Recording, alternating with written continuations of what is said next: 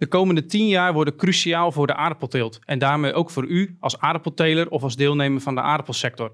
Denk aan het klimaat, denk aan mechanisering, denk aan arbeid, denk aan de, de Green Deal of consumententrends. Het zijn allemaal factoren die van grote invloed zijn op de teelt in Nederland, maar ook elders in Europa en misschien wel elders op de wereld. Ehm, zoals gezegd, de Green Deal wil misschien wel een kwart van de aardappelteelt biologisch gaan doen. Is het überhaupt wel mogelijk? Dit seizoen hebben we gezien dat het heel erg lastig is. Nou, ik heb drie mensen aan tafel uitgenodigd vandaag die daar uh, veel meer over kunnen vertellen binnen hun eigen vakgebied. Om te beginnen, uh, Gea Bakker-Smit, welkom. Dankjewel. Namens Rabobank. Uh, je werkt al ruim 15 jaar bij Rabobank, onder andere als, uh, als sectormanager akkerbouw voor food en agribusiness. Je hebt in het verleden bij LTO gewerkt. Je studeerde tropische landbouw aan de Wageningen Universiteit. En nog steeds ga je wel eens naar Afrika toe voor projecten daar. Klopt, en ja. de, de laatste jaren hebben we jou ook leren kennen in de aardappelsector als iemand die heel goed weet hoe de handelsstromen gaan van die aardappel over de wereld en welke landen er nu uh, toe doen. Um, even als, uh, als warming-up, als openingsvraag, de CO2-voetafdruk van de Nederlandse aardappel. Zie jij dat nu als een echt verkoopargument voor het product over uh, heel de wereld? Jazeker zie ik dat als een van de hele belangrijke punten van de teelt van aardappelen hier. Uh, ik denk al dat we breder moeten kijken dan alleen CO2. Dus ook biodiversiteit, klimaatissues, uh, schoon water. Dus ik probeer wel te kijken, niet alleen op one issue, maar ook breder met alle andere factoren daarbij die van import zijn voor de toekomst van de Oké. teelt. Ja, nou, dat- dankjewel. Um, dan spring ik even over naar eh, de buurman schuin tegenover. Albert Schering, ook welkom. Je zit hier namens eh Bayer. Eh, als cropmanager ben je daar werkzaam, onder andere voor de aardappelteelt. Voor Bayer Crop Science moet ik zeggen. Geboren in Nederland, in Emmen, op een akkerbouwbedrijf. Maar inmiddels al heel wat jaren woonachtig in de omgeving van Düsseldorf in Duitsland. Studeerde ook in Wageningen, toen al met een focus op gewasbescherming. En die eh, industrie eh, ben je al sinds 1987 werkzaam. Eh, volgens je LinkedIn-profiel door heel Europa al verschillende functies bekleed. Ehm, en voor jou de openingsvraag. Ziet het pakket aan gewasbeschermingsmiddelen voor de aardappelteelt er over tien jaar voornamelijk uit met middelen met een natuurlijke oorsprong? Of hebben we het dan ook nog over synthetische chemie? Ja, bedankt voor deze introductie, Niels. Um, ja, kijk, over tien jaar dan is de ambitie is zeker uh, om te vergroenen. De ambitie is om biologische preparaten te ontwikkelen en deze beschikbaar te maken uh, voor de markt. Uh, Bayer heeft daar heel fors op ingezet, met researchcentra ook in de Verenigde Staten, waarbij we een groot team hebben wat onderzoek doet naar deze middelen, om deze middelen breed uh, inzetbaar te maken.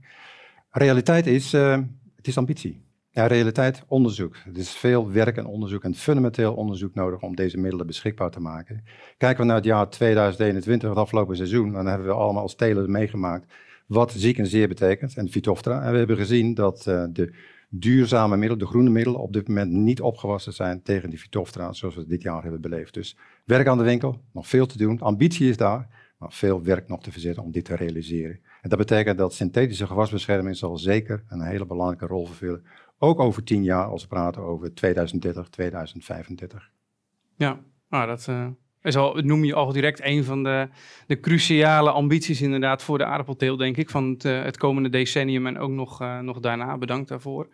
Um, en dan tot slot de introductie van de man in het midden, Hendrik Jan ten Katen. Ook welkom. Ja, dankjewel. afkomstig van een, een akkerbouwbedrijf, een familiebedrijf uit Poortvliet, op het mooie Zeeuwse eiland Tolen. Werkzaam onder andere als bestuurder bij LTO Nederland, voorzitter werkgroep consumptie aardappelen en ook bij BO Akkerbouw sinds 2009. je teelt uiteraard aardappelen, vroege aardappelen, frietaardappelen voor verschillende afnemers, waaronder Lembest en Meijer. En als jou, aan jou de openingsvraag, welke maatregelen heb je nu al op je bedrijf genomen om klimaatverandering tegen te gaan? Ja, een van de belangrijkste maatregelen die we de laatste jaren hebben doorgevoerd is toch dat we de beschikbaarheid van zoet water op heel bedrijf geoptimaliseerd hebben. En dat hebben we eigenlijk uh, in heel de regio gedaan, op, eigenlijk op heel het eiland Tolen. Hebben we een zoetwaterplan uh, uitgerold. En waardoor eigenlijk een netwerk is ontstaan van goed zoetwater. En nou, dat is eigenlijk toch wel een van de belangrijkste dingen die we, waar we de afgelopen drie jaar enorm van hebben kunnen profiteren. Daarnaast is het gewoon goed zorgen voor je grond. Dat is eigenlijk een tweede maatregel die je eigenlijk uh, ja, als akkerbouwer uh, moet nemen. Om te zorgen dat, uh, dat je eigenlijk tegen die klimaatsextremen kan. Hè. Ook de wateroverlast zoals afgelopen jaar. een aantal keren hebben gezien, ook vooral op lokaal niveau, hè, dat je moet zorgen dat je percelen goed ontwaterd zijn. Dus dat zijn zo even de, de, de, zaken die we de afgelopen jaren hebben aangepakt. Maar dat, ja, het is wel uh, een constante uitdaging om uh, om te gaan. het ene jaar is droogte en het andere jaar is weer nattigheid. Is die uitdaging voor jou nu groter dan voor je vader of je opa of de voorgangers op het bedrijf? Ja, ik denk dat uh, het is wel van alle tijden. want we hebben het nog altijd over de droogste zomer 1976. Dus was ook voordat ik geboren was, zeg maar, speelde dit al. Alleen ik denk wel dat de extremen groter zijn en ook lokale extremen. Je ziet in een klein gebied als Tolen, is het soms al zo extreem dat het op de ene plek veel te veel regent en op de andere plek bijna niet. Dus, jij, dus dat lijkt wel uh, een, uh, een trendbreuk, zeg maar. Ja, is wat je veel hoort. Ja, de extremen nemen steeds meer toe. Ja, uh, ja oké. ja. Bedankt in ieder geval voor, voor dat antwoord. Ik denk dat daar al wel heel veel aanknopingspunten in zitten. En ook waar veel telers zich in zullen, zullen herkennen. Ja. Ehm, nou ja, een aantal van de, van de thema's die zijn al gepasseerd. Een heel groot aantal, gewasbescherming, klimaat, uh, noem het allemaal maar op. Ehm, we hebben geprobeerd om een dynamisch en interessant interview te, te houden met elkaar. Uh, om dat in stellingen te verpakken en om daar even uh, dieper op in te gaan. ik heb voor iedereen een drietal stellingen waar we dan daarna even iets dieper op in kunnen gaan. En uiteraard, als jullie vragen voor elkaar hebben, schroom niet om ze te, te stellen. Dat is alleen maar, uh, alleen maar mooi. Uh, Geen om even met jou uh, te beginnen. Ik noem even de drie stellingen. En als je dan even kunt zeggen van of je het ermee eens of oneens bent, dan gaan we daarna horen waarom. Nou, ik zal mijn best doen. Oké, stelling nummer één is: de Green Deal is een kans voor aardappeltelers. Poeh. ja. Oké, kijk, dat, Begin positief. Ik, precies, ik ben positief. Ik wil graag in kansen blijven denken. Ja. Uh, stelling 2. Een wereldexportproduct als friet past niet binnen een uh, local supply chain. Mee eens. Oké. En tot slot, uh, we blijven als Rabobank de aardappelsector financieren om uit te breiden in de toekomst. Uitbreiden in welke zin? Areaal uitbreiden vind ik een lastige. Ja. Toegevoegde waarde creëren, zeker. Oké. Nou, eigenlijk drie toch positieve uh, antwoorden op deze stellingen. Om even uh, ja, te beginnen, de, de Green Deal. Ja. Er wordt ook op Boerenbusiness veel over geschreven, er wordt veel over gesproken. Telers zijn ermee bezig, ze horen soms uh, de meest wilde plannen of wilde ideeën. ik noemde in introductie een kwart biologische landbouw. Mm. is het echt zo zwart-wit als ik het nu stel? Kun je daar iets, iets meer over zeggen? Nou, daarom had ik dat toch even twee kanten ervan. Ik zie ook heel veel uh, mensen en ook vakbouwers die ik spreek, die ook wel zorgen hierover hebben. Die heb ik zelf uiteraard ook. Ook met name over de uitrol. Wat gaat er straks met vaste hectare premie doen? Wat voor eisen moet je straks in die pijler 2 voldoen? Hè? Hoeveel administratie brengt dat met zich mee? En staat dat die, uh, die vergoeding wel in voldoende mate tegenover? Dus heel veel duurzaamheidsinspanningen leveren, maar, maar nou, ik weet niet hoeveel, 120, 150 euro per hectare vergoeding, dat is niet in verhouding. Maar anderzijds, uh, het level playing field in heel Europa zal daarmee wel min of meer gelijk worden.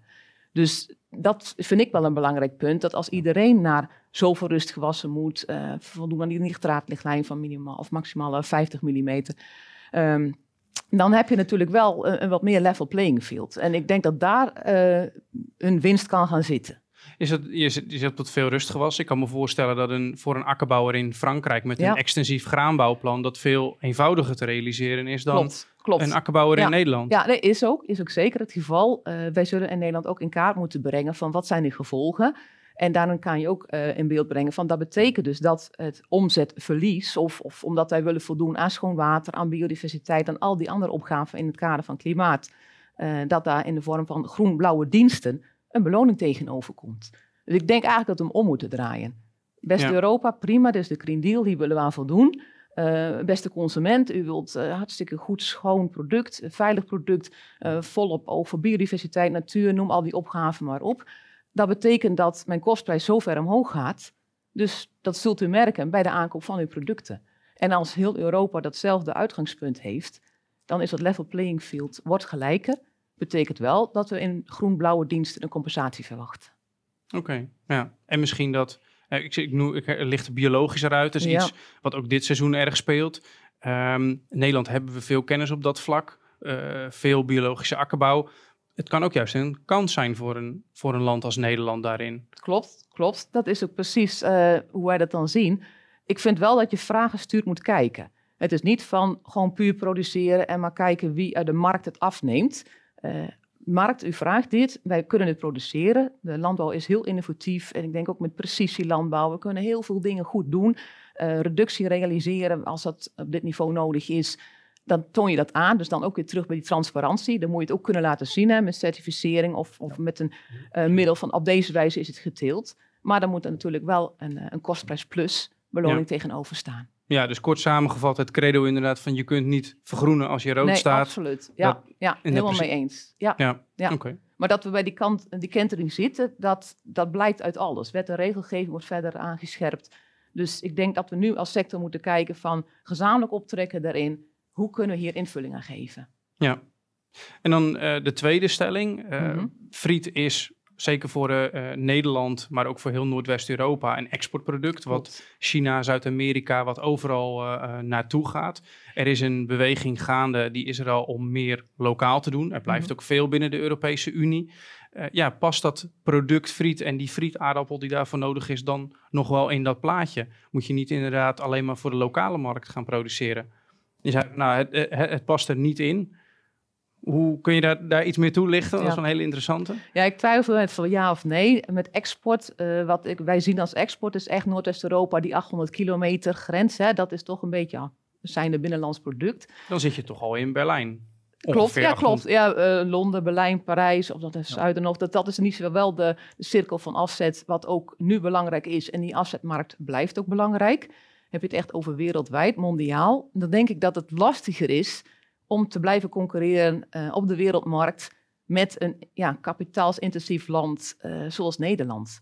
Dus daarin zal echt gekeken moeten worden of je gaat richting toegevoegde waardeproducten. Kom je met, dat is zojuist ook zei, pootgoed, zaaizaad, dat is een meerwaarde. Uh, ook goed uitgangsmateriaal waar behoefte aan is, ook op wereldniveau, waar ook voor betaald wordt. Blijf je, uh, ja, blijf je onvoldoende onderscheidend op die wereldmarkt voor dit product dan denk ik dat het lastiger gaat worden in de toekomst. Ja, dus de, de, de prijsvechter die tegen iedere prijs, uh, ook in China of Ja. in Brazilië, een frietje Ja. kan leveren, dat is over tien jaar of over twintig jaar misschien wel anders. Dat, Ja. Die verwachting is er wel. Ja, klopt. Nou, we hebben dit interview ook nog met mensen van de verwerkende industrie die hier aan tafel aanschuiven. Dus het is dan ook wel heel interessant om te zien hoe, hoe zij hier tegenaan kijken met, hun businessmodel. en hoe ze daarop ja. acteren en invulling aan En dat- gaan geven. Ja? Dat, is dan, dat is dan wel een hele mooie eh, aansluiting, een bruggetje naar de laatste stelling. Dat is inderdaad van, hè, we blijven als Rabobank ook de aardappelsector, dus ook de verwerkende bedrijven, eh, daarin in financieren, in uitbreiding. Die zien we in Noordwest-Europa behoorlijk. Er zijn Mhm. ook nog genoeg plannen. Eh, ja, een nieuwe fabriek bouwen om bevroren friet naar China Mhm. te exporteren. Eh, als ik het zo hoor, eh, is dat misschien wel niet eh, de weg in de toekomst. Nou, we kijken natuurlijk wel wat is de strategie van zo'n bedrijf, hoe is een sourcing geregeld en op welke wijze willen ze invulling geven aan die uitdagingen die wij ook zojuist benoemd hebben. Ehm, dus daar, worden we, ja, daar gaan we de gesprekken over aan. En als de strategie is dat men dat op een hele verantwoorde manier doet, of men gaat het op hun businessmodel op die manier invulling geven, dan zullen we kijken of dat past bij de verwachtingen die we hebben. Ja. En ook binnen welke termijn uiteraard. Want ik blijf wel, als we terugkijken naar de tilt in, eh, van aardappelen in Nederland, hè, want daarvoor zitten we ook in dit gremium Mhm. zo bij elkaar.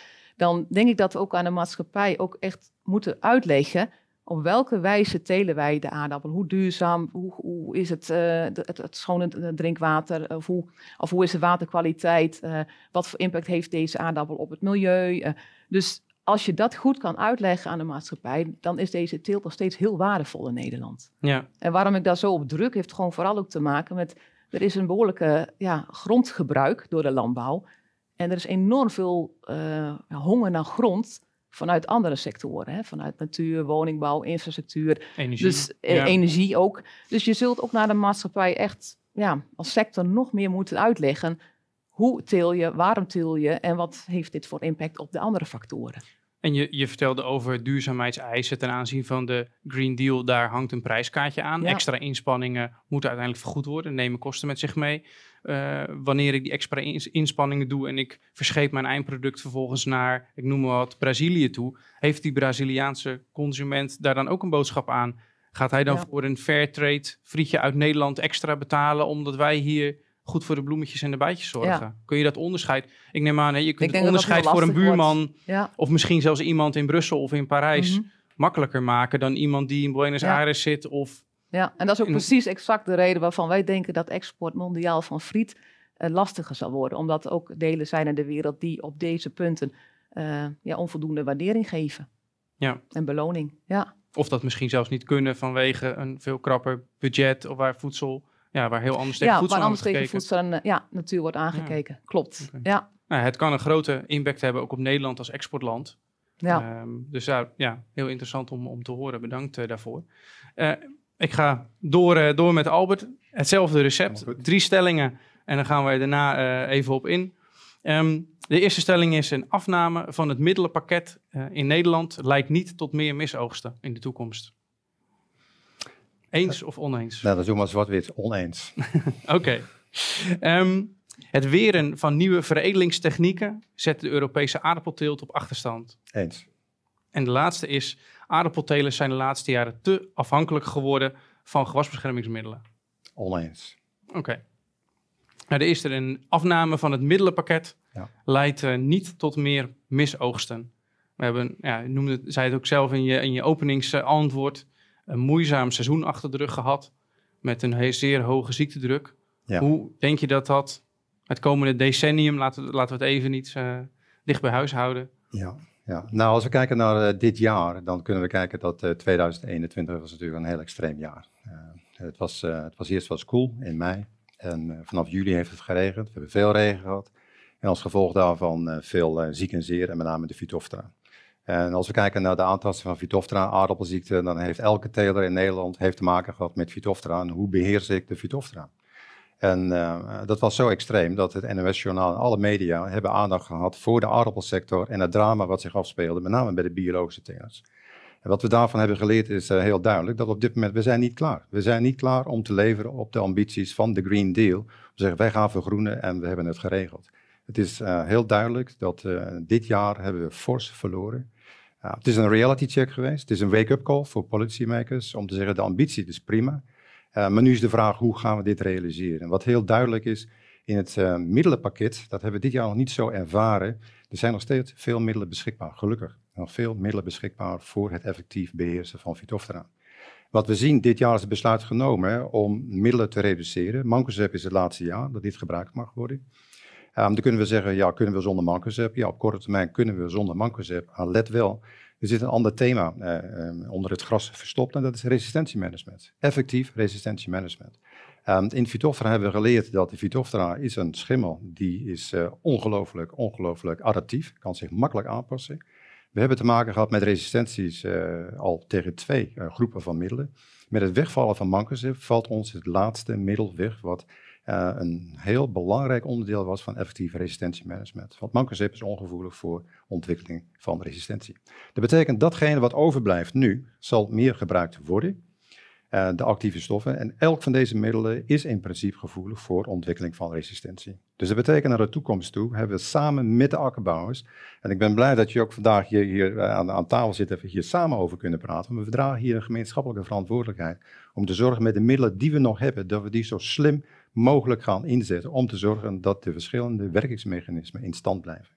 Zit er dan helemaal niets in de pipeline de komende jaren? We hebben in de voor uh, een prachtig middel erbij gekregen. Ja. Uh, maar is het niet aannemelijk dat we in de komende tien jaar misschien nog wel weer één of twee van dit soort werkzame stoffen erbij gaan krijgen? Ja, er, er komen wel nieuwe actieve stoffen. Uh, daarbij uh, moet ik tegelijkertijd bij zeggen, van, wees realistisch. Ja, we hebben dat uh, in de afgelopen jaren, heeft de gewasbeschermingsindustrie heeft, uh, gewaarschuwd, heeft dialoog gevoerd om aan te geven wat de consequenties zijn van het wegvallen van de middelen. Um, het wegvallen van de middelen gaat nu in zo'n hoog rap tempo dat dit wordt niet ingevuld met het aanvullen van nieuwe middelen. Om het voorbeeld te geven, de afgelopen jaren, de afgelopen jaren sinds de invoering van het nieuwe registratiesysteem in Europa, hebben we 50 actieve stoffen verloren in Europa. 50. Dat is heel veel. En de aardappelteelt, als geen ander heeft dit gemerkt. We hebben dat gemerkt met de, uh, de, de de, die is weggevallen voor loofdood. Uh, bijna alle loofdoodmiddelen uh, zijn weggevallen. De middelen die we nu hebben werken nog steeds, maar op een andere manier. en de, de, sector heeft zich aangepast. We hebben de chlorprofam hebben gezien, die is weg, weggevallen met grote consequenties. En nu hebben we gezien dat mancozeb wegvalt.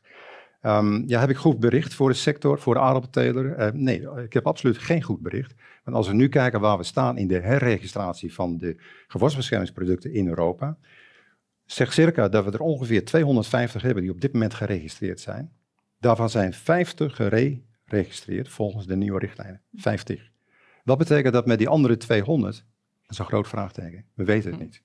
Um, ja, elke, elke industrie probeert natuurlijk uh, zijn best te doen om met research uh, de middelen te ondersteunen. Maar van deze 200 verwachten we dat maximaal 50% de eindstreep gaat halen. Dus dat is geen goed nieuws. Uh, dat is absoluut geen goed nieuws. Dat betekent dat de aardappelteler minder tools ter zijn beschikking heeft om ziek en zeer te controleren. en dat gaat natuurlijk ten koste van de bedrijfszekerheid. Dat betekent dat het bedrijfsrisico voor de jaren, of het willen of niet, het bedrijfsrisico voor het telen van aardappelen neemt toe. Afgelopen jaren werd heel duidelijk gezien in virus. Dit jaar is dat niet het geval. Hè. De luisterdruk met het koele weer is niet zo'n thema. Dit jaar hebben we het gemerkt met de Phytophthora. En de reality check heeft ons getoond dat zeg maar, de alternatieven, de groene middelen, zijn in principe niet aanwezig. Niet? Nee, want als je uh, kijkt naar de cijfers van producenten, dan laten ze tegelijkertijd in het zien, die afname zegt 50 werkzame stoffen, ja. maar de groene middelen komen ook op. En de verwachting is dat dat de jaren, jaren, uh, komende jaren dat ook toeneemt. Uh, hoe, hoe is dan, er zijn er 50 verdwenen, maar hoeveel zijn er dan bijgekomen? Of hoeveel groene alternatieven zijn er bijgekomen? Of zijn die er niet? Die zijn er niet. Als we kijken in het uh, vlak van Phytophthora, zijn er geen groene middelen die in staat zijn om Phytophthora effectief te controleren. Niet. En die verwachting is er ook niet? En die verwachting, wel, de ambitie, laat ik zeggen. Het is de ambitie. En hier praten we over fundamenteel research. Um, we praten vaak over biologische middelen. Het is natuur, het is aanwezig. Dat, dat klinkt als, ik heb het op de hoek staan en de natuur levert en ik kan het in de praktijk uh, implementeren. Zo eenvoudig is het niet. Het is uh, uh, top-class research wat daarvoor gevraagd is om middelen in de praktijk te brengen die functioneren, die een, een, een zekerheid geven voor de teler. Dus wanneer je het inzet, dat je erop kan vertrouwen. En ja, daar is de hele industrie naastig naar op zoek. En er is één groot uh, gap, om het zo te zeggen, en dat is Phytophthora. Phytophthora is zo enorm agressief. Uh, Omdat dat het zo ook adaptief is? Oh, het is adaptief, het is heel snel. En uh, wat we dit jaar hebben gezien, um, dat ook de resistentiegenen die in het, in het BioNext-programma zijn gelanceerd, in de biologische teelt, dat we hebben daar geleerd dat één resistentiegen is niet voldoende om de Phytophthora te blokkeren. En het is nu hopen dat de resistentiegenen niet allemaal hun waarde hebben verloren. We zullen dit zien de komende winter. Maar wat meer dan duidelijk is, in de ambitie van de Green Deal en het vergroenen van de sector hebben we elkaar nodig. En dat betekent dat alle middelen die er zijn, dienen op elkaar afgestemd te worden en samen, samen in te zetten in het veld. En dat is ook de ambitie die wij hebben binnen Bayer. Bayer heeft ook een heel stellige en dus een, een, ambitieus uh, programma als we praten over de sustainability doelstellingen. Uh, het gaat over het reduceren van de environmental impact. Het gaat over het verduurzamen van de teelt. Uh, we gaan fors investeren ook in bodembiologie, bodemgezondheid. een gezonde bodem als basis voor een gezonde teelt. eenvoudig uit te spreken, moeilijk te realiseren. En, en, dat is wat we in de sector met onze partners ook vaststellen. We zijn het allemaal eens. 2040, we zijn allemaal klimaatneutraal. We hebben allemaal de koolstof vastgelegd. Uh, maar als de vraag nu op de tafel komt en Albert, hoe ga je dat morgen doen? Dan is er geen antwoord. Dan heb ik op dit moment geen antwoord. We hebben ideeën. Uh, we hebben onze uh, researchprojecten hebben geïnitieerd en we zullen tijd nodig hebben om dat te valideren. En met betrekking tot de gewasbescherming in de pipeline, als we daarover praten, want dat is het andere facet, ja, we hebben te, maken met hele lange lead times, zoals we dat noemen. Dus als we vandaag een actieve stof vinden, dan de lead time betekent dat we dan in staat zijn om dat product binnen een aantal maanden te lanceren. Een aantal maanden zeg je, oh nee, sorry, ik maak daar een fout. Het zijn geen aantal maanden, het zijn jaren. Om concreet te zijn, het duurt twaalf jaar voordat we een actieve stof kunnen lanceren in de markt. En dat betekent met het leveren op de ambities van de Green Deal, het is zo verduveld belangrijk dat beleidsmakers en politiemakers die de verantwoordelijkheid hebben om de maatschappelijke wens om anders te gaan produceren, dat beleidsmakers en policymakers begrijpen dat tijd nodig is voor de industrie om in te zetten op dit nieuwe beleid. En om dat mogelijk te maken is het absoluut essentieel om een consistente, consistente heldere um, uh, regelgeving te hebben. En we zien, uh, je, je, noemde een paar keer wake-up call. Ja. Zou de situatie dit jaar, die we misschien volgend jaar of over een aantal jaar weer gaan zien, uh, daar ook echt voor een wake-up call kunnen zorgen? We hebben gezien dat Planet Proof halverwege het seizoen de eisen aanpaste. Is het uh, te bedenken dat, uh, nou, Melkers wat we noemden, dat die middelen toch nog uh, hè, uitstel van executie krijgen? Of moeten we dat eigenlijk niet willen? Want het, is, het zijn wel hele serieuze zaken waar ze van beticht Ja. worden. Waar we niet 100% zeker van kunnen zijn. Is het, is het aannemelijk om dat te denken? Neoni- Neonicotinoïden zien we het ook. Het is verdwenen. Duitsland, Frankrijk. Ze zijn als eerste staan ze op om het ook weer toe te laten. Ja. Is dat aannemelijk ook in het dossier Vitoftra? Of heb je die hoop niet? Nou, is het aannemelijk? Het is de vraagstelling of we daar de beleidsmakers, eh, of we daar de ondersteuning krijgen. Eh, wat gebeurd is in de tussentijd sinds 2011 bij de invoering van de nieuwe regelgeving. Het juridisch systeem wat in de achtergrond is opgebouwd eh, ter ondersteuning van het nieuwe beleid, dat is zo solide in elkaar gezet. Dat het is zo lastig om dat te veranderen. Eh, verandering kan, eh, maar dan moet het van de politiek komen om daar de regelgeving, de wet en regelgeving daadwerkelijk eh, aan te passen. En Heb je er vertrouwen, moment- vertrouwen in dat de op dit politiek... moment, nee. om heel helder te zijn, ik heb daar geen vertrouwen in, omdat we dat nog niet gezien hebben. We hebben niet gezien dat het de beleidsmakers actief, proactief meedenken met de sector. En vandaar dat het zo belangrijk is dat deze dialoog tot stand komt. En wat we dit jaar hebben gezien, het NOS-journaal met Vitoftra in beeld brengen, het is een unicum. Het is een unicum. En wie had gedacht, 175 jaar nadat we de, de geweldige hongersnood hebben gehad in Ierland, dat we in anno 2021 moeten praten over het probleem Vitoftra. Het is iedereen duidelijk. Helaas is het zo voor en policymakers en ook voor de gemiddelde consumenten. Het lange termijn geheugen is beperkt. Ja. Eh, omwille van de tijd ga ik even door naar stelling 2. Dit was er Ja. nog maar één. We zouden er nog, nog veel langer over doeken. Is dan inderdaad die, die veredelingstechniek, de moderne veredelingstechniek en dan CRISPR-Cas, maar er zijn ook alternatieven. Is dat dan de, de gouden sleutel? Moeten we het dan daar gaan zoeken? Want als ik het zo hoor, de groene middelen, eh, daar gaan we het voor Vitoftra dan even, om het daarbij te houden, niet op redden, niet op de korte termijn. Moeten we dan inderdaad naar een CRISPR-Cas veredelde aardappelplant toe, wat we in de Europese Unie niet mogen, maar waar de rest van de wereld ons nu wel heel hard aan het inhalen is. Zo lijkt het. Wel, er is goed nieuws. Hè? Er is goed nieuws in de CRISPR-Cas. Als we kijken naar de research community in Europa, eh, dan is de research community in Europa is sterk eh, in ondersteuning voor de acceptatie van CRISPR-Cas. De voordelen die zijn evident.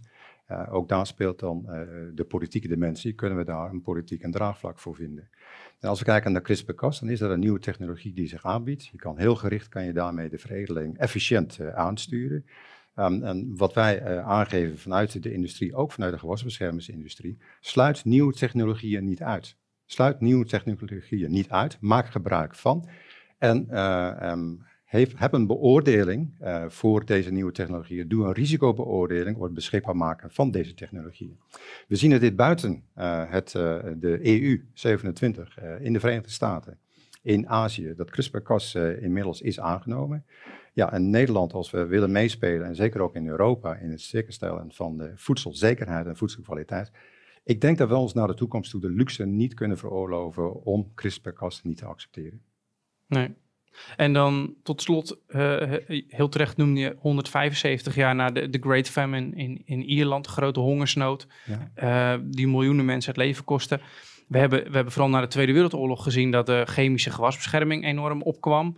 Uh, zijn we daar dan inderdaad met z'n allen, zijn telers daar vooral niet te afhankelijk van geworden? Hadden we inderdaad die bodemgezondheid, uh, andere plantveredeling, hadden we daar al niet 50 jaar eerder veel meer mee moeten doen, dat we zo niet in deze penibele situatie terecht waren gekomen? Of is dat echt veel te simpel gezegd? Wel, wellicht is ook de, de, zeg maar de modus van de tijd. Uh, als we kijken naar de ontwikkelingen die, die geweest zijn. Uh, we hebben gedacht in de ontwikkeling van de chemische industrie dat dat de oplossingen bracht. Uh, we hebben daarmee ook vastgesteld dat het nadelen heeft. Uh, we hebben daarmee ook vastgesteld dat het, het bioleven op de akker met name toch complexer is. de diversiteit en de voedselwebs, hoe die met elkaar verweven zijn. en dat is goed, we hebben daarvan geleerd. We hebben nu ook een ander beleidsinstrument voor toelating van gewasbeschermingsmiddelen, waarbij deze neveneffecten worden beoordeeld. En er is ook meer inzage gekomen in wat er zich afspeelt in de bodem. En dat is juist zo van belang. Dat krijgt ook nu meer aandacht. En dat zie ik ook als een hele positieve uh, dimensie van de, uh, de Green Deal. Want de, uh, de ambitie van de Green Deal zegt van 50% reduceren in de synthetische gewasbescherming. Um, ja, dat wordt lastig gemaakt. Als je daar de drempels verhoogt, betekent dat dat je daarmee innovatie stimuleert. En dat is exact, en dat is uh, het fantastische aan de Green Deal. Daarmee zie ik ook de, de kansen en de ambitie van de Green Deal. Die ondersteunen wij ook van harte. Uh, maar we zijn realistisch. Uh, het is de ambitie en om reëel invulling te geven, zullen resources en middelen beschikbaar moeten worden gemaakt om juist deze nieuwe middelen met deze nieuwe facetten te ontwikkelen. Ja. Dat is uh, absoluut spannend. Nou, in ieder geval, ik, proef toch wel een positieve noot om even mee af te sluiten, ondanks alle enorme uitdagingen die, eh, die je hebt genoemd. Zeer interessant. Bedankt, eh, bedankt daarvoor. En ook even voor een, een klein keuk- kijkje in de keuken van Bayer, eh, mag ik wel zeggen. Met hoe het er bij jullie aan toe gaat en wat erbij komt kijken voor een middel op de markt komt. Ehm, ik ga door met, met de buurman. best voor les, eh, zullen, we, zullen we zeggen. Ehm, nou ja, bekend. Drie stellingen voor jou, Hendrik Jan. Ja. Om te beginnen, er is in Nederland niet voldoende ruimte om te groeien in de aardappelteelt en de aardappelverwerking. Ben je het daarmee eens of oneens? Ja, eens. Oké. En de tweede is, de grootste beperking om te groeien met mijn bedrijf is de beschikbaarheid van grond. Eens. En eh, tot slot, eh, marktprijsfluctuaties eh, zijn een grote bedreiging voor de aardappelteelt. Eens. Oh, kijk, drie keer eens. om te beginnen, ja, zegt, er is in Nederland niet meer voldoende ruimte om zowel in de teelt als in de verwerking van de aardappelen te groeien. Je zegt, nou, ben ik het mee eens? Eh, wat zijn je, je argumenten daarvoor? Ja, het is hier eh, net ook al eh, over tafel gekomen. Je ziet toch de ja, constante druk van, van natuur, van woningbouw. Maar ook van overheidsbeleid, eh, die, eh, die, die daar ook op is. De Green Deal eh, net besproken, maar je ziet ook met nationale wetgeving die, die eraan zit te komen. Bijvoorbeeld zevende actieprogramma ni- nitraat. Daar zie je ook gewoon plannen in terugkomen. Waar, met de rotatie van bijvoorbeeld naar 2030 van 1 op 3 rustgewassen. Dus dat betekent gewoon dat er minder ruimte komt voor, eh, voor aardappelen. En sowieso voor rode gewassen in een akkerbouwbedrijf. Dus ja, dat is. Ja, dat, dat, eh, dat, ja, daardoor heb je wel meer druk krijgen op de markt. En waardoor je eigenlijk minder makkelijk eh, ja, eh, kan vergroten. En als je, wat Albert ook noemde, de bo vanuit bodemgezondheid perspectief, is het grotere aandeel rustgewassen misschien wel een voordeel voor zowel je grond als voor je bedrijf? Of is het Ja. eerder, zie je het eerder als een aanval op het rendement uiteindelijk? Nou, de, de- absoluut. Kijk, als je eh, een, een, een bredere of een hogere rotatie eh, aanhoudt, dat, dat is dat gewoon gunstig voor je, voor je bodemgezondheid. Alleen alle bodems in Nederland of in Europa, hoe je het ook wil bekijken, zijn niet gelijk. Hè, op de ene grondsoort kan je, eh, dan moet je misschien wel 1 op 5. Er zijn ook grondsoorten waar je gewoon heel goed 1 op 3 eh, aardappelen kan, eh, kan telen. En dat moet je denk ik ook in acht houden. En ook het ondernemerschap. De ene ondernemer die kan dat toch weer beter als de andere ondernemer. En ik vind, dat vind ik wel eens een beetje jammer dat de overheid steeds meer op die stoel van die ondernemer eh, gaat zitten. En ook dan naar de kalender gaat lopen kijken van eh, ja, dan moet je dat gedaan hebben, dan moet je dat gedaan. Ik moet steeds meer datums in gaan eh, vullen. En dat, dat, dat zie ik wel als een bedreiging. We liggen nog altijd buiten. We hebben aan de ene kant met de markt te maken. Die door corona of door wat voor omstandigheden eerder vraagt of later vraagt. En je ziet nu dat het toch een beetje naar achteren schuift. Maar, maar ook het weer kan van invloed zijn, eh, waardoor mijn oogst uitgesteld of juist vroeger is. En dat wordt wel steeds moeilijker om dan aan bepaalde eh, Ja, datums. Flexibiliteit mist Ja. gewoon. Ja, en dat- zie ik wel als een hele grote bedreiging. Onder andere ook eh, wat terugkomt in, in die Green Deal. van ja, die datums moeten er wat mij betreft uit. Ja. Dat kan gewoon niet. Je zal toch moeten kijken. Kijk, als ik een vanggewas moet eh zaaien naar mijn hoofdteelt, ja, dan, dan, kan het alleen als daar ook de omstandigheden naar zijn. Als de omstandigheden niet naar zijn, dan moet je dat ook gewoon niet doen. Dan moet je dat ook gewoon een reden aan kunnen geven dat je dat niet doet. Ja. En eh, dus, dus ik vind dat, dat zijn wel eh, aspecten waar ik naar... eh, En als je dan kijkt inderdaad naar de sector en dan de verwerking van de aardappelen vooral, dan zie je er is uitbreiding gerealiseerd. Sowieso het laatste decennium in heel Noordwest-Europa. Je, je noemt een aantal valide argumenten. Eigenlijk als je het dan goed wel bekijkt, dan zeg je van ja, waar gaan al die aardappelen dan vandaan komen? Dan zal het toch intensiever geteeld moeten worden. Of dan zal het op de een of andere manier...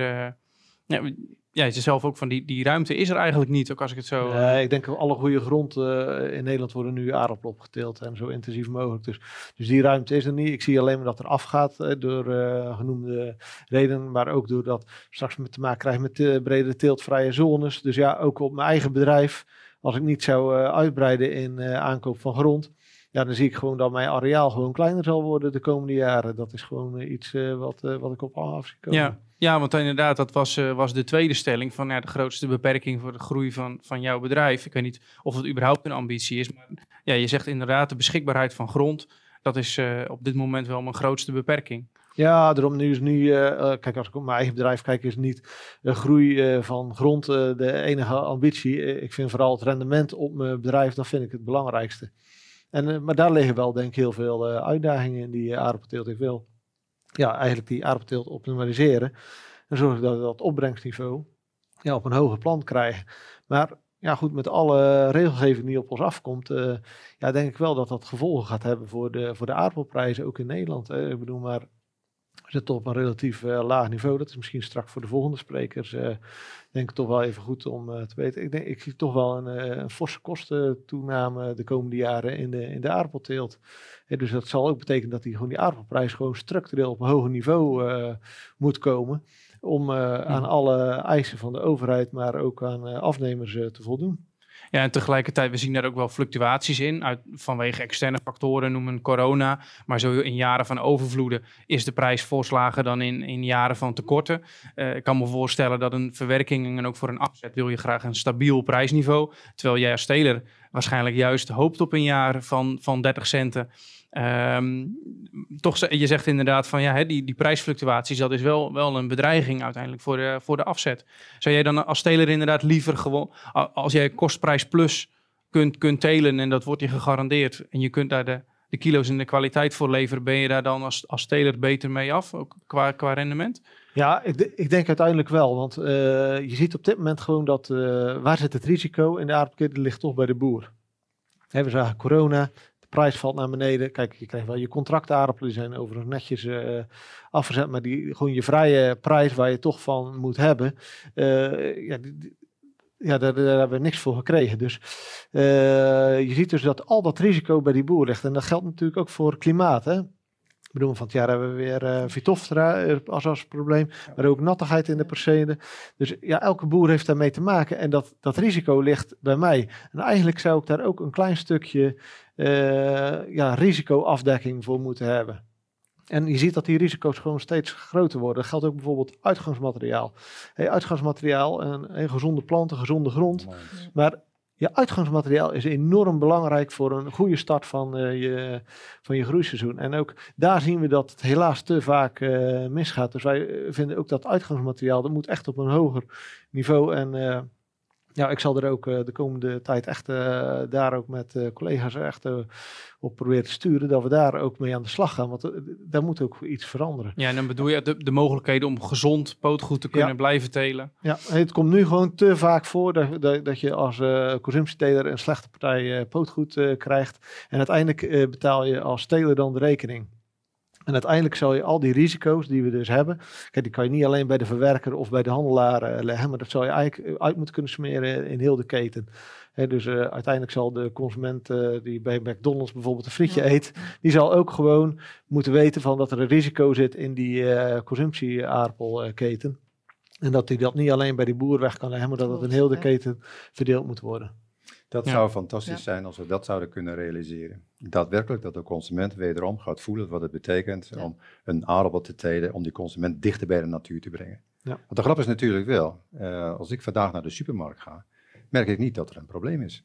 Dat schap ligt elke dag vol en elke dag ziet het hetzelfde uit. Dus wat is het probleem? Ja, dan is het uh, heel snel dat er zegt van, nou ja, als de, de boer niet klaagt en meneer Verstoor niet vraagt, uh, dan zal het wel uh, oké zijn.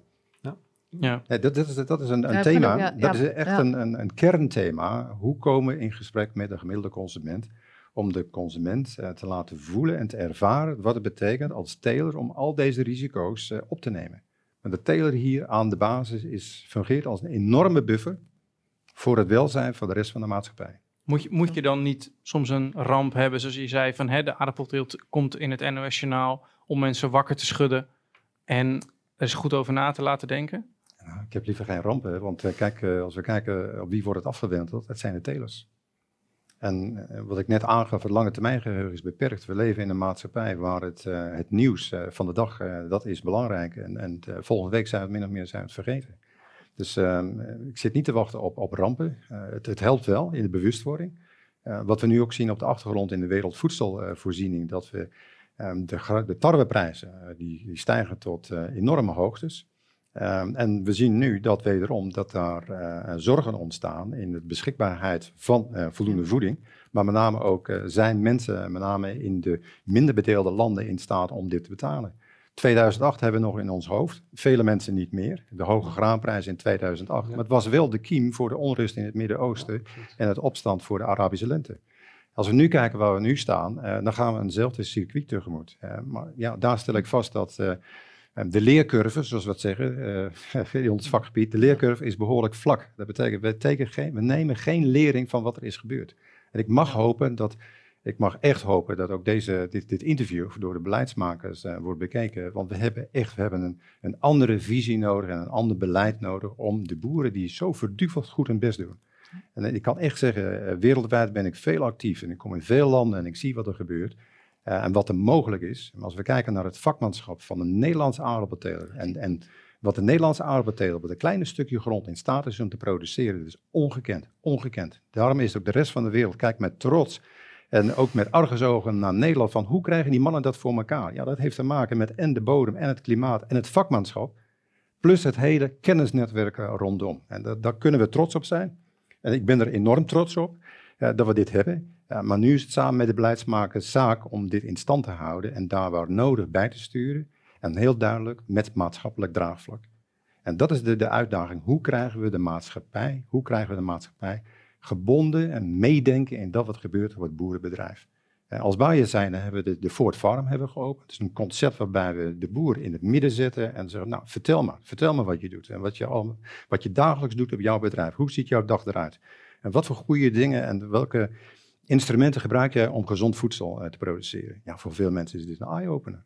Dat is ongekend. En dat is wat we veel meer moeten doen, die boodschap uitdragen en met name richting de beleidsmakers. Want daar hebben we nog veel missiewerk te verrichten. Ja, en daar ben ik het al volledig mee eens. Maar wat ik ook denk ik, uh, wat we nog meer moeten doen, is het ketendenken. Dus we moeten beter in die keten. Hè, dus we mhm. aan de ene kant natuurlijk die beleidsmakers hebben.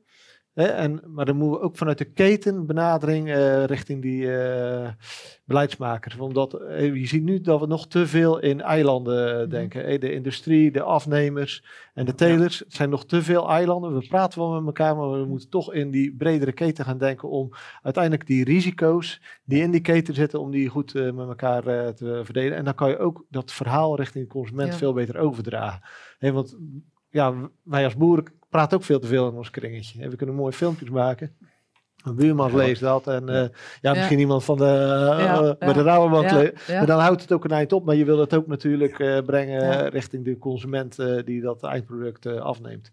Want dat is wel heel belangrijk, denk ik. Nou, dan kom je ook bij die transparantie in de keten. Hè? Welke schakel draagt wat bij? En hoe levert dit product ook zijn toegevoegde waarde op klimaat, op biodiversiteit? En ook weer terug aan het verdienmodel de sector kan, hè? die is innovatief genoeg, oh. die, die wil van alles wel meebewegen, maar wel in welke context en welke tijd krijg je ervoor.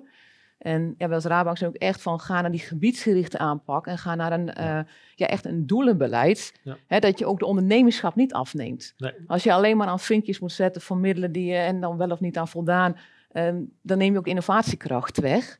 Dus ik denk dat dat heel belangrijk is, de tijd ervoor en ook die transparantie in de keten, ook, ook middels precisie, landbouw, noem alles maar op, de goede dingen die gebeuren. Maar ook die discussie met de maatschappij aan. We kunnen daar ook niet van wegblijven. En dat zal ook goed, uh, die boodschap goed overgebracht worden. Dat is in ieder geval mooi te horen hoe Bayer daarmee omgaat. En hoe ja, de sector zelf ook al probeert met goede verhalen naar buiten te komen. Maar die verhalen moeten ook bij de mensen terechtkomen die uiteindelijk ook uh, ja, het beleid vormgeven. En even, uh, ja, omwille van de tijd uh, ter afronding nog even, mm afronding nog even heel, uh, heel kort. Um, we hebben het gehad over lokaal produceren en over, het, over de wereld verschepen van, van friet. zou je een aardappelteler aanraden om zelf frietjes te gaan produceren en binnen een straal van Nederland of daarbuiten te, te gaan afzetten? Nou, ik ben er wel terughoudend in, want ik vind dat um, de industrie, de keten, al zo optimaal is ingespeeld op ja, het volume en de verwerking, de afzetmarkten. Dus doe waar je goed in bent, hè, vakmanschap. Hè, schoenmaker blijft bij je leest. Uh, als iedereen zijn eigen verwerking op gaat starten, dan denk ik niet dat dat de sector gaat helpen. Dus het kan iemand in een individueel geval helpen, maar het is nu niet Precies. dat dat nu voor iedereen nou, dat, is. Dat denk ik absoluut niet. En dat, dat zien we ook niet als vraaggestuurde keten. Nou, Dus wat dat betreft, uh, borduur voort op wat er al is. Maar echt buiten, mondiaal, buiten Europa, dat zal in de toekomst lastiger worden. Wil je blijven concurreren op mondiaal niveau. Hendrik Jan, je hebt het over samenwerking tussen alle partijen in de keten en een evenredige verdeling van de risico's. Is dat misschien wel een beetje utopisch gedacht? Of denk je echt dat binnen een aantal jaar er veel meer ketenregie is en partijen beter met elkaar samenwerken? Nou, of dat op hele korte termijn mee gaan maken, maar ik denk wel, uh, ja, het, binnen een aantal jaren moet dat echt wel geregeld zijn, denk ik. En, Ja. en we zitten nu ook samen, en we hebben een brancheorganisatie Akkerbouw, die draagt er ook uh, toe bij, omdat je daar allemaal samen zit als hele keten. En dat is denk ik wel heel erg belangrijk om, uh, om, die, om die stap te kunnen zetten. Oké. Dus daardoor spreek je elkaar ook wat vaker. Ja.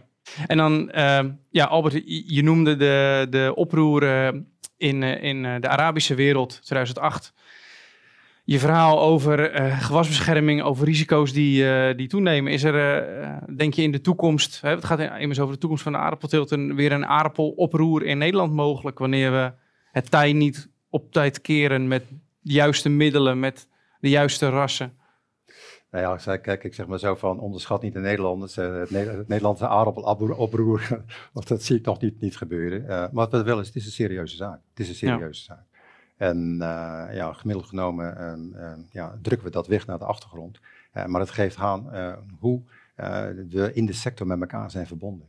En we zijn afhankelijk van elkaar. geen van ons, ook zoals hier rond de tafel zitten, we kunnen het individueel kunnen we het niet organiseren. We hebben samenwerking nodig.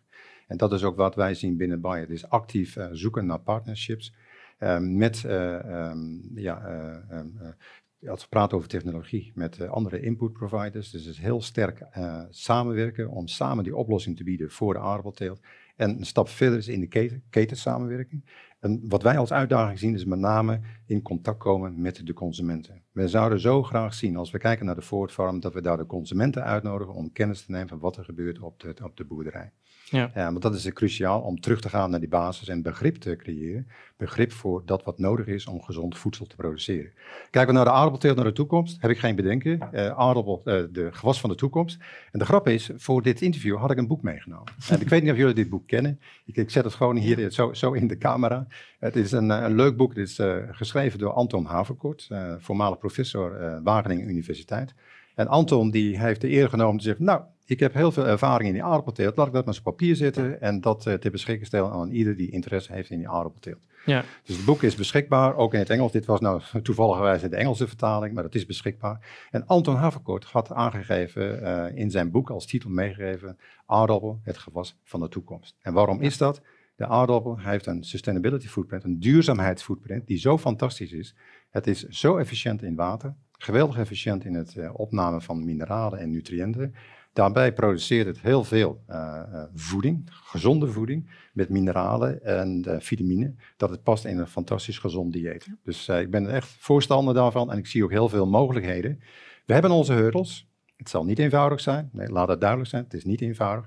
Maar samen, samen zullen we eruit komen. Ja, nou, ik denk een hele mooie samenvatting van ook wat we hier aan tafel hebben besproken. Bedankt en ja, mooi om toch met een positieve voetnoot te kunnen eindigen. In ieder geval hartelijk dank voor jullie komst. Um, dit is het eerste deel in een tweeluik over de toekomst van de aardappelteelt. Uiteraard kunt u de andere video ook op Boerenbusiness bekijken. En we blijven u de komende periode uiteraard over alle ontwikkelingen op de aardappelmarkten en op de, in de aardappelsector van op de hoogte houden.